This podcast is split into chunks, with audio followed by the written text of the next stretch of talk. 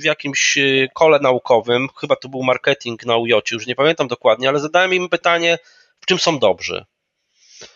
I wiesz, co, jaką odpowiedź dostałem? Zapraszam na najnowszy odcinek podcastu Nowoczesny Lider.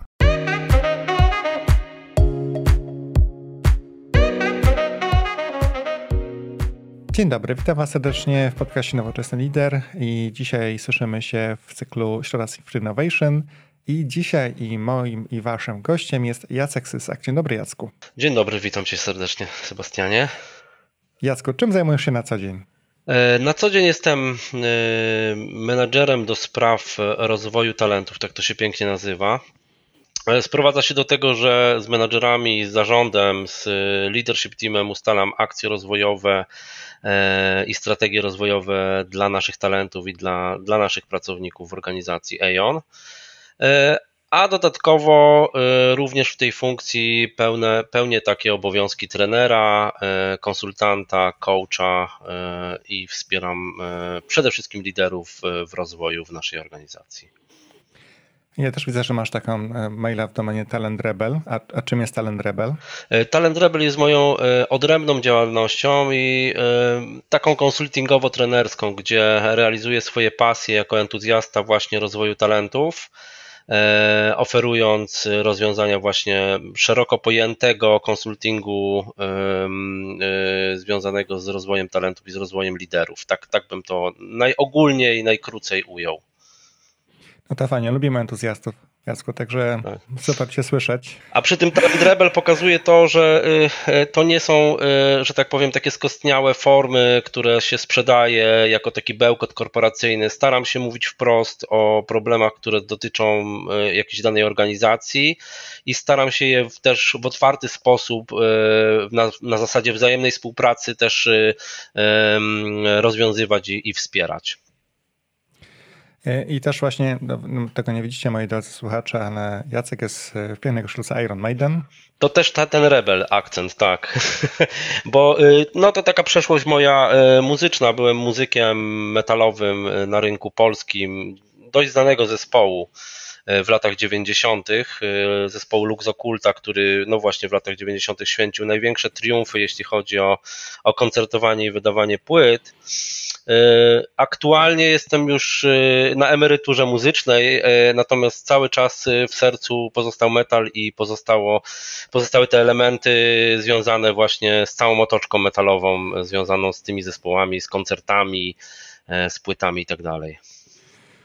Jestem, to zawsze są takie dyskusje, mam też, które się odbywają czysto przypadkowo, tak myśmy nie poznaliby się wcześniej personalnie i mam kolegów w mojej firmie, którzy na przykład okazało się, że kolega zajmuje się dzisiaj e, user experience, jest dobry w swoim fachu, ma super dobre wiesz, umiejętności i tak dalej. I się okazało, że przez lata, przez lat chyba 5 czy 6 e, grał w kapeli, która była, teraz nie pamiętam tej nazwy miejscowości, nie było Nashville w Stanach. Jakaś druga miejscowość pod kątem jakby bogactwa w puby, w bary i w kapele, bo najlepszą mhm. kapelą na tamtym rynku przez kilka lat. Jakby wiesz, jak nagle słuchasz człowieka w firmie i wiesz, matko boska, ja z nim pracuję już tyle czasu, znam go, znam go takie bardzo profesjonalnej strony, a tu się okazuje nagle takie ukryte talenty. E, twojego zespołu nie znam, ale jest na Spotify cokolwiek do posłuchania? E, na Spotify jest jedna tylko składanka niestety. Dużo więcej jest albumów do posłuchania na YouTubie. No i też jakby no, nie, nie, nie było wznowień do tej pory jakby naszych, naszych albumów, ale e, mam nadzieję, że to kiedyś nastąpi, bo, bo jakby głód jest duży. To tak w bardzo wielkim skrócie, mniej więcej jakby e, zaczynaliśmy w tym samym czasie, działaliśmy w tej samej wytwórni, co na przykład Behemoth, aktualnie chyba wszystkim dobrze znany. Mhm wydawaliśmy w tej samej wytwórni Pagan Records i no jakby dzieliliśmy wspólnie scenę w tamtym czasie, więc jakby E, razem z zespołami też takimi jak Christ Agony czy Vader, no to to była jakby ta, ta czołówka wtedy polskiego takiego black metalu czy death metalu, jakbyśmy to powiedzieli. No ciekawy background dla HR-owca. Także Myślę, że typ, typowy, typowy background dla HR-owca. Typowy zupełnie. Słuchaj, no to w takim razie powiedz mi, bo jesteś autorem e, predykcji o nazwie Firmy stawiają na liderów, na liderów badanie kompetencji i self-learning e, w predykcjach 2021. skąd wybór jakby akurat tej predykcji, bo rozumiem obszar, Mhm. Ten, ten obszar predykcji tak jakby jeszcze ogólnie, jakbyś, bo, bo ty jakby wszedłeś bardzo jakby tak, że tak powiem już w, w samą pewną tezę e, tej predykcji, natomiast sam obszar dotyczył rozwoju talentów i, i myślę, że Decyzja też stąd, że mm, no jestem osobą, która od 17 lat zajmuje się y, w HR głównie właśnie rozwojem y, talentów, rozwojem, rozwojem liderów. Ja jestem w ogóle wielkim entuzjastą y, Instytutu Galupa i, i tak zwanego, tak zwanej teorii mocnych stron. A więc jakby talenty są, że tak powiem, dla mnie czymś jak oddychanie, jak powietrze i, i, i jakby na co dzień żyję tą tematyką. I też myślę, że z jednej strony to właśnie ten entuzjazm y, i to, to, to, to podejście, jakby zainteresowanie y, związane z talentami, a drugie sama funkcja, tak jak wspomniałem o tym wcześniej, y, rola Talent Development Managera pokazuje mi też w tak dużej organizacji, jaką jest EON, prawie dwutysięczną obecnie, w samej Polsce, a, a 70 czy, czy, czy, czy kilkudziesięciotysięczną obecnie w, na świecie. Y, pokazuje, że, że, że można te trendy w jakiś sposób obserwować i myślę, że pokusiłem się o, swoją, o swoje tezy, myślę, e, w oparciu o obserwacje właśnie moje, mojego e, poletka aonowego, a z drugiej strony jakby wiesz, też y, ta, ta druga noga moja, taka konsultingowa, gdzie współpracuję e, z różnego rodzaju firmami, też widzę, że tak powiem, na zewnątrz, co się dzieje, też widzę oblicze tego, co dzieje się obecnie na rynku, również od tej strony właśnie innych firm, innych pracowników i też ich problemów i dylematów, które gdzieś tam mi się w głowie, że tak powiem, połączyły w jedną tezę, którą i w jedną predykcję, którą chciałem właśnie, e, którą chciałem się podzielić jakby e, z innymi. No, jakie to są dylematy, które, które mierzą się inne firmy, jak z nimi rozmawiasz? Jakie są na to rozwiązania? No, no, widzisz, jakby oczywiście też od razu muszę powiedzieć, że e, jakby pandemia i rozwój talentów e, w kontekście pandemii ma różne oblicza, tak? Bo, bo jakby mamy małe firmy, które mierzą się ze swoimi jakby e, trudnościami, mamy firmy średnie, mamy firmy duże i jakby każde pewnie w każdym obszarze długo byśmy mogli rozmawiać. Ja się sprowadzę do te, ja sprowadzę jakby swoje obserwacje do tego, co, co jakby obserwuję w Eonie i w tych dużych i średnich firmach tak naprawdę, bo okazuje się, że o ile jakby budżetowo i, jeśli chodzi o biznesowo, to, to część firmów przeszła może nie suchą stopą, ale generalnie jakby odbiło się to jakby nie z takim bardzo znaczącym echem y, finansowym. O tyle jakby wszyscy wcześniej zauważyłem, że się przygotowywali do tej, do tej pandemii w jakiś sposób y, bardzo ostrożnie podchodząc do rozwiązań związanych z talentami, bo chyba też jak pewnie, pewnie doskonale wiesz, to jest największy błąd w organizacjach, a jednak najczęściej popełniany, że jak zaczyna się zastanawiać nad tym, co pierwsze będziemy ciąć jako koszty, no to tniemy oczywiście y, szkolenia, rozwój, te aspekty, które, y, które da łatwo się, że tak powiem, zatrzymać i które są też jednocześnie dość mocno kosztotwórcze. I wydaje mi się, że to, co, to, co było też ciekawe na, na, na rynku, to to, że firmy nie zdecydowały się od razu jakby y, ciąć szkolenia i zatrzymywać, zamrażać, szczególnie te duże. Większość małych tak, ale tych, tych dużych i średnich bardzo selektywnie podchodziła do kwestii, co jest priorytetem w organizacji. Ja myślę sobie, że to, co pokazał nam 2020, co jest kontynuacją 2021, to taka bardziej świadoma decyzja dotycząca priorytetów związanych z rozwojem talentów y, y, w dużych i średnich organizacjach pieniądze są oglądane kilkakrotnie i jednocześnie y, bardzo często y, y, firmy zastanawiają się nad tym, czy to rzeczywiście przyniesie nam taki rezultat, jaki my chcemy. Ja mam, mam wrażenie, że wiele firm, jeśli chodzi o szkolenia, deklaruje, patrzenie na zwrot z inwestycji, patrzenie na inwestycje, żeby e, czy nam się to opłaca, czy nam się to zwraca, jeśli chodzi o nakłady rozwojowe. Natomiast do tej pory e, niewiele firm zdawało sobie jakby z tego, zdawały sobie, zadawało sobie te, tego trudu, żeby, żeby to, to wszystko poobserwować, pomierzyć i tak dalej. Mam wrażenie, że teraz to mierzenie będzie zdecydowanie dużo bardziej świadome i nastawione właśnie na taką korzyść widzenia, Y, rezultatów efektów z, z konkretnych działań. I tu ci połączę z muzyką, bo widzisz, żeby pokazać jak HR i jak, jak muzyka jakby się łączy, to samo jakby stało się w latach 2000, jakby, tylko tam nie było wielkiej pandemii, a pojawiła się, pojawił się taki ruch jak MP3 i internet. E, I pod koniec lat 90., jak to wszystko zaczęło przenosić się do internetu, to okazało się, że jakby ludzie już e, przestali kupować płyty. A więc tak jak tutaj, przestali zamawiać, przestają jakby zamawiać szkolenia, zrobią mniej. I tak samo jak teraz jest rynek taki, zanim kupisz płytę, to co robisz najpierw?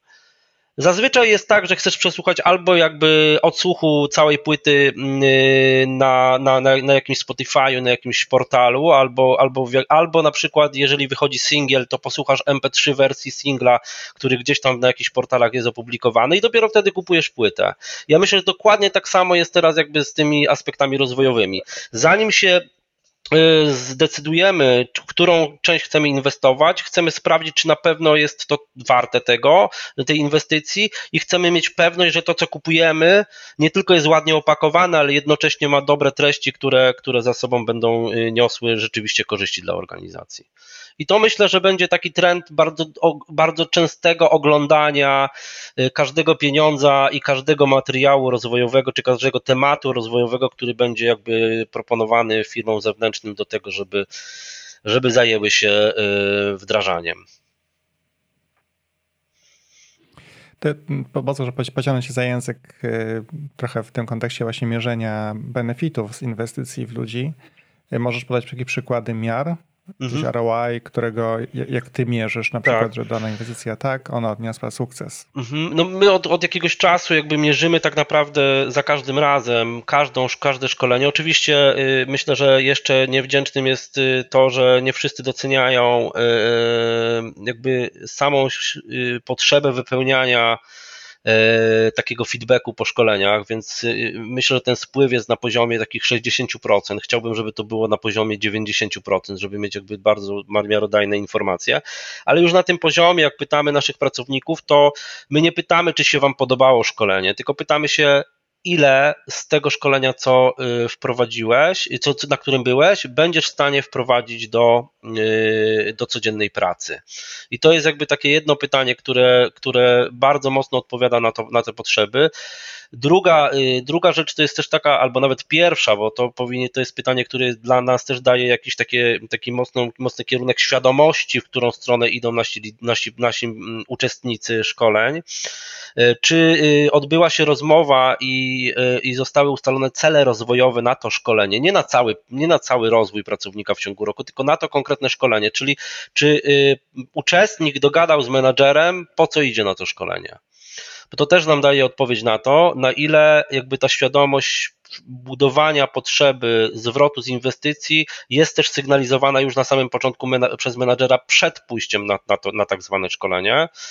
No i y, y, jeśli chodzi o rzeczy y, takie konkretne, to co jesteś w stanie wprowadzić już jakby y, od razu? Co, pytanie, co jesteś, co z tego szkolenia będziesz w stanie wprowadzić od razu po Y, po przyjściu do, do pracy. I też kolejne pytanie, dość myślę trudne, ale to też jakby odpowiada bardzo bardzo ważne, bardzo y, istotnie na pytanie, jaki jest impact na zespół, czy na, na jakby na biznes konkretny y, po szkoleniu. Na ile to Twoje szkolenie usprawni pracę Twojego zespołu nie tylko Twoją, ale i również Twojego zespołu, bo jakby mamy świadomość tego efektu synergii i tego, że jakby jeżeli ja będę dobrze wykonywał swoją pracę, no to jakby praca zespołu też będzie jakby w efekcie jakby dużo lepsza, dużo bardziej e, precyzyjna, dużo bardziej, e, dużo, dużo lepsza po prostu, nie? Więc, więc to, to są tego typu miary, które bardzo łatwo można wdrożyć, bo to nie jest żaden rocket science tak naprawdę. Jeszcze myślę, jedna dość ważna jest taka, jest dość, dość ważna taka kwestia, którą myślę y, warto robić. My to też y, może nie przy każdych szkoleniach, ale przy tych programach takich większych rozwojowych robimy. To jest zapytanie menedżerów, na ile obserwują zmianę i ta zmiana, y, na ile ta zmiana po programie rozwojowym zadziała się na korzyść organizacji to też jest jakby dość ważna kwestia, żeby nie tylko widzieć perspektywę pracownika, ale również perspektywę tego, który tak naprawdę tego pracownika deleguje na, na, na to szkolenie, albo tego, temu pracownikowi jakby daje taki cel rozwojowy. Mhm. Też w swojej predykcji poruszasz temat platform e-learningowych i dostępu do takiej wiedzy trochę on demand, czyli trochę taki sposób Netflixowy, czyli uczymy się wtedy, kiedy mamy na to czas, ochotę, y, piki takie intelektualne, kiedy nam się lepiej wiedzę przyswaja, czasem w sobotę przy porannej kawie i tak dalej. Natomiast to, co mnie tutaj zaintrygowało w tym, że te podręczniki i te guidebooki będą promowane przez działy HR. rozumiem, promowane w kontekście jakby już dostępu do wiedzy, ale jakby zakładam, że wy też zastanawiasz się nad tym, żeby jednak tą wiedzę tworzyli, współtworzyli, promowali pracownicy, którzy pewnie najlepiej wiedzą, czego w danym momencie potrzebują albo co jest dla nich najbardziej wartościowe. Bo tobie ciężko będzie ocenić wiedzę z obszaru, który nie jest dla ciebie zupełnie znany. Mhm. Promowanie to y, miałem na myśli sam jakby świadomość dostępności i tego, co można tam zdobyć, bo myślę, że największy problem jakby w organizacjach jest to, że są ogromne, wielkie biblioteki, bardzo bogate, online'owe, kursów e-learningowych, a pracownicy o tym nie wiedzą, że takie kursy w ogóle są. To, co ja często dostaję też takie zapytania, powiedz mi, y, czy jest takie i takie szkolenie jakby w naszej bazie e-learning, a nie można zrobić nic bardziej łatwiejszego, jak wejść na tą bazę, wpisać słowa kluczowe i po prostu mieć bardzo często ludzie jakby nie mają świadomości, że mogą łatwo te rzeczy wynaleźć, więc promocja bardziej chodzi mi o to budowanie świadomości, co jest dostępne i w jakim zakresie możesz z tego korzystać. To jest jakby jedna rzecz. Druga rzecz jest taka, która myślę, że bardzo często dotyczy szczególnie młodych ludzi, którzy jakby wchodzą w tą organizację. O ile jakby jeśli chodzi o digitalizację i kwestie cyfrowe, radzenia sobie z różnego rodzaju portalami i tak dalej, to to nie jest problem. Natomiast widzę bardzo często u młodych ludzi to taki y, y, brak świadomości jak ułożyć swój rozwój tak konsekwentnie, żeby robić kroki, które jedno po drugim, które będą takie przyczynowo-skutkowe, które będą powodować, że oni rzeczywiście będą się rozwijać w jakimś konkretnym kierunku. Problem bierze się z tego też, że bardzo często ludziom samym bardzo trudno y, zdiagnozować, y, jakie są ich mocne strony, jakie są ich talenty. Ja kiedyś na mm, jednym, y, na jednych studiach zrobiłem taki warsztat w jakimś kole naukowym, chyba to był marketing na UJ, już nie pamiętam dokładnie, ale zadałem im pytanie, w czym są dobrzy. I wiesz, co, jaką odpowiedź dostałem?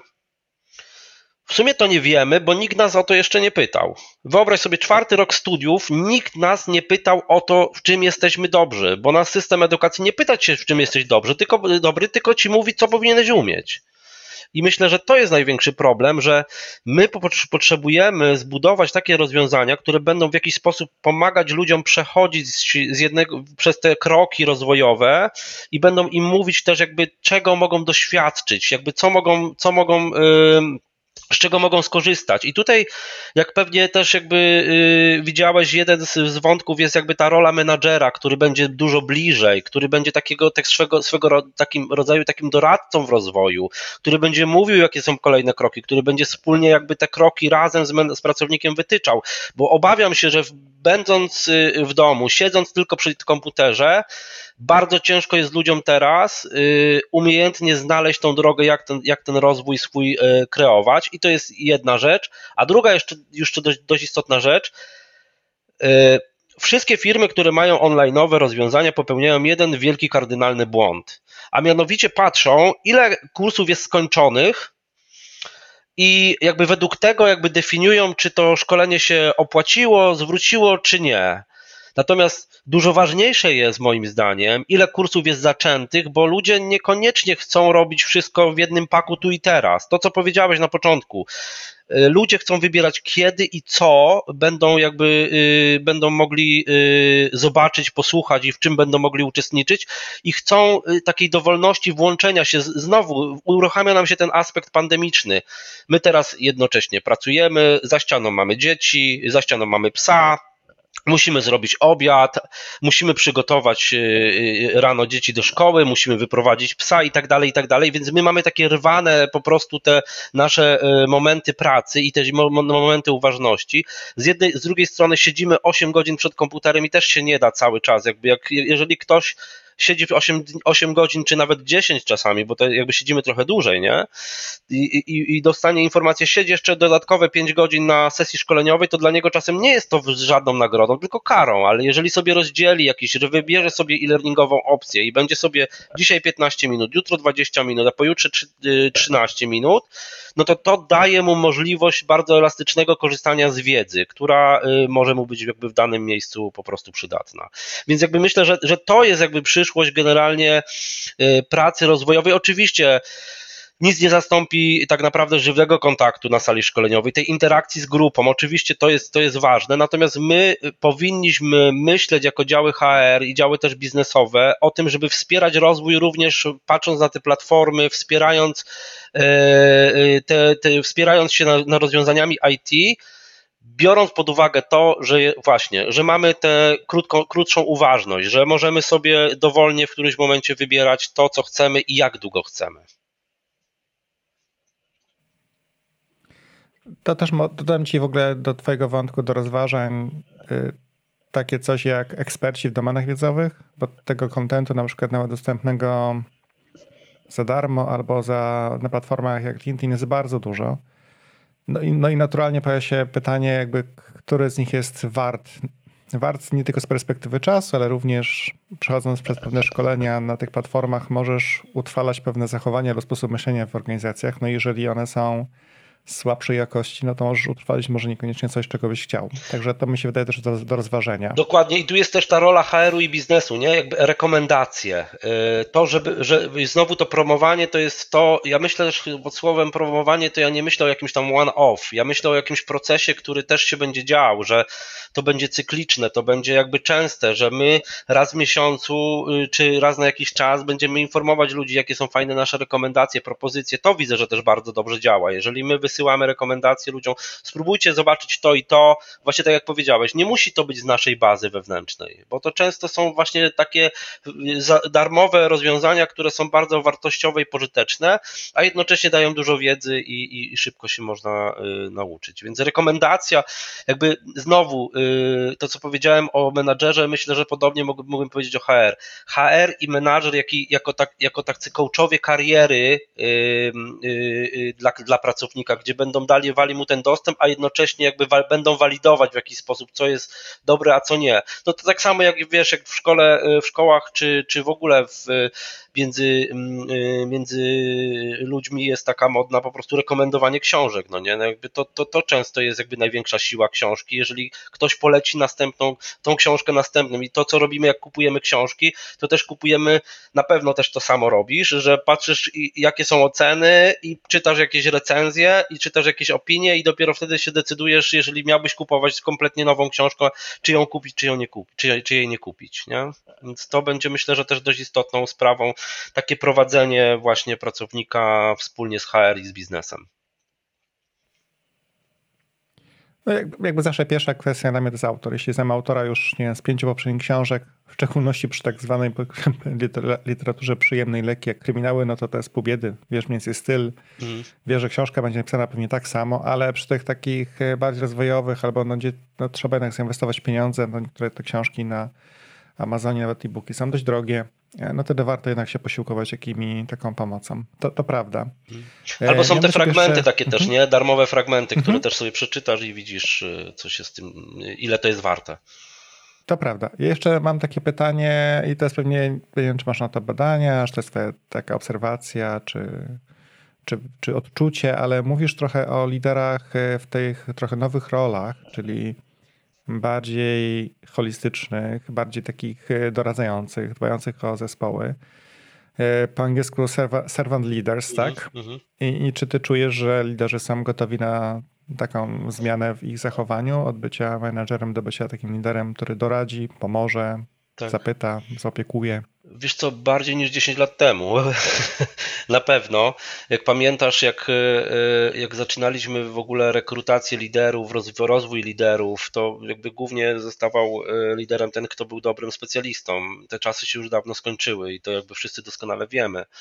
Z drugiej strony, ja cały czas widzę, że jest jeszcze, jest jeszcze bardzo duża luka taka w wiedzy, w kompeten- w wiedzy może nie, ale w kompetencjach, w zachowaniach, jeśli chodzi o liderów, bo jakby robiąc też development centers, a, a robię ich trochę, bo, bo, bo kilkadziesiąt y, y, rocznie, w tym roku zapowiada mi się, że co, co najmniej około setki zrobię, więc, więc daje mi to jakieś takie pole do widzenia tego, co się dzieje. I jak mamy tych liderów na Development Center, to widzę, że oni jakby przyjmują automatycznie zachowania, które obserwują u swoich, u swoich, u swoich menadżerów, czasem bez takiego walidowania, czy to jest dobre, czy to jest złe. I to jest, to jest też ciekawe, że przyjmujemy dużo takich zachowań jeszcze właśnie zastanych, hierarchicznych, które no nie są do końca jakby tym, co pewnie byśmy chcieli w tym servant leadershipie widzieć. A z drugiej strony yy, myślę, że cały czas to jest taka kwestia świadomości. Jak yy, rozmawiam potem na feedbacku z tymi ludźmi i mówię: Słuchaj, zrobiłeś to i to. Powiedz mi, dlaczego tak zrobiłeś? Yy, jakby, czy czujesz, że to jest, jak, jak czujesz, że, że to jest, że to działa, czy to nie działa? Mówi, wiesz co, mi się to nie podoba. Mówię, no dobra, no dlaczego to zrobiłeś? Bo wiesz co, bo no tak jak, wiesz, obserwowałem, mój lider tak zawsze robi. Więc myślę sobie, że to, wiesz, leading by example jest trochę u nas cały czas jeszcze mm, taką utopią, bo z jednej strony mamy nowych liderów, których rozwijamy i którzy już są bardziej otwarci i myślę, że szybciej wchodzą jakby w tą kwestię takiego servant leadershipu. Z drugiej strony mamy starych, już takich doświadczonych liderów, którzy operują jeszcze tą starą szkołą, że tak powiem, podejścia do, do, y, do organizacji. Myślę, że zawsze y, pewnego rodzaju elastyczność i taki miks tych doświadczonych i mniej doświadczonych daje fajną umiejętność uczenia się od siebie nawzajem. I to jest, myślę, jakby największa chyba siła i największa też nadzieja na to, że to się może, to się może wydarzyć. Oczywiście pomijam fakt, że dość istotny, że E, programy rozwojowe, związane takie programy leadershipowe, ale też nie one-off, tylko takie z, związane z tym, żebyśmy mogli pracować też nad swoją autorefleksją. Ja wierzę, że w byciu liderem przede wszystkim ważna jest autorefleksja i jak my będziemy jako, e, jako czy, czy HR, czy jako liderzy, którzy organizują tego typu e, programy, pogłębiać tą autorefleksję, to za każdym razem oni będą wiedzieć trochę więcej, będą rozumieć trochę więcej, bo wiesz, możemy wyuczyć ludzi różnych takich fajnych scenek i możemy im pokazać, rób tak, a nie rób tak, ale myślę, że jeżeli oni sami to przemyślą, to, to, to samo jakby myślę, co, widzę to na Development Center. Jak przychodzą ludzie po Development Center, przez dwa tygodnie mija, jak oni doświadczyli to na scenkach, sami przemielili siebie, że tak powiem w cudzysłowie, przez te doświadczenia i przychodzą i oni teraz praktycznie sami sobie dają feedback. To nie jest tak, że ja im daję feedback jakiś rozwojowy, oni sami sobie dają feedback i oni wiedzą, że nad tym należy pracować. Więc myślę sobie, że jakby no, no, na, na pewno jeszcze to jest tak, że y, lepiej niż, jak powiedziałem, 10 lat temu, y, duża nadzieja tych, w tych młodych liderach, którzy myślą bardzo otwarcie i bardzo, bardzo szybko się rozwijają, ale też myślę, że ta umiejętność jakby dzielenia się wiedzy i wiedzą i taką chęci też jakby pracy nad sobą będzie powodować, że będzie, że będzie to coraz, coraz szybciej będą ci ludzie zdolni do tego, żeby w taki sposób mm, w taki sposób y, Mm, pracować i taki sposób jakby e, być czy uczestniczyć w rozwoju pracowników. Jasko, to jeszcze pytanie, tylko te development centers, o których mówiłeś, te 100, to są wewnątrz twojej firmy, czy robisz je również zewnętrznie? Czyli masz taki Obydwie, obydwie opcje. Obydwie opcje, poza, tak. Obydwie. Mhm. Obydwie opcje. Y, dużo robię, we, dużo robię w mojej firmie. Y, w tym momencie jest chyba około, y, około 50 rocznie takich programów, no i plus jeszcze, plus jeszcze zewnętrzne, więc wychodzi z tego jakieś około, około 100 rocznie, więc tak. E, ja też e, e, bardzo często spotykam się, to co jest myślę, że fajna rzecz, którą jakby pandemia nam w jakiś sposób dała, której, dzięki której mm, możemy dużo rzeczy obserwować, są nasze wspólne spotkania. Tak jak my dzisiaj sobie tutaj siedzimy ja w klapkach i ty w klapkach, czy tam w bamboszach ciepłych, y, czekając na przyjście wiosny i w tym naszym domowym zaciszu i sobie świetnie rozmawiamy, widząc się jednocześnie i bez zakłóceń jakby rozmawiając. Mamy też taką możliwość rozmawiania z różnymi innymi y, uczestnikami. Ja spotykam się regularnie co jakiś czas y, z innymi talent development managerami czy L&D menadżerami z dużych firm. Mamy takie spotkania i rozmawiamy sobie o potrzebach, jakie mamy, i to też jest takie.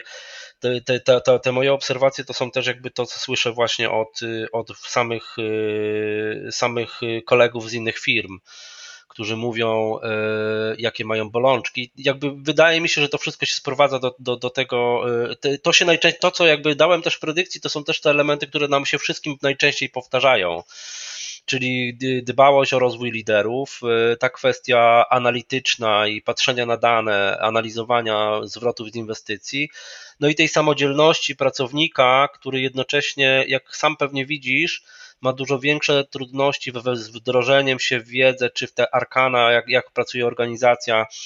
Moje też obserwacje na poziomie jakby yy, na poziomie osób dołączających do firmy, średnio tam u nas mamy gdzieś około 40-50 osób, które dołączają miesięcznie do Iona to pokazuje, że ludzie jakieś dwukrotnie dłużej wdrażają się w ogóle w organizację e, w tej opcji zdalnej niż jak to jest e, na co dzień. Więc myślę, żeby przyspieszyć też ten proces adaptacji, e, rozwiązania online'owe i świadomy lider to są te dwa kluczowe filary, które będą nam dawać jakby większy sukces i szybszy przede wszystkim. Jacku, bardzo dziękuję Ci za, rozmowę. Bardzo ciekawe spostrzeżenie. Jestem ciekaw, jak ten świat się mm, rozwinie 2021 i 2022 pewnie. A to pewnie jeszcze chwileczkę będziemy żyli w takim zupełnie innym świecie. E, dziękuję za czas, miło Cię było zobaczyć. No i e, powiedz mi, czy Ty grasz jeszcze cokolwiek e, po godzinach? Jeszcze coś grywam, mam tutaj nawet gitarę, bas, pianino, jak widzisz chyba za mną, możesz zobaczyć, że jest. Także Słabo coś... jakoś akurat obrazu, ale widzę coś tak. Tak, ale, ale to już jest tylko jakby domowe granie, nie zespołowe, także... Także, ale na koncerty chodzę cały czas, kolekcję płyt powiększam, więc to jest to, co, co mi zostało z tamtych, z tamtych metalowych czasów. Fajnie. Bardzo dziękuję za rozmowę. Życzę Ci miłego weekendu. Nagrywam w sobotę, więc dziękuję za czas sobotni, który poświęciłeś z nami wspólnie na nagranie tego podcastu i mam nadzieję do zobaczenia, usłyszenia w przyszłości. Dziękuję bardzo, do usłyszenia Tobie i wszystkim naszym słuchaczom, którzy dotrwali do tego momentu. Dziękuję serdecznie za wysłuchanie tego podcastu. Do usłyszenia w następnym.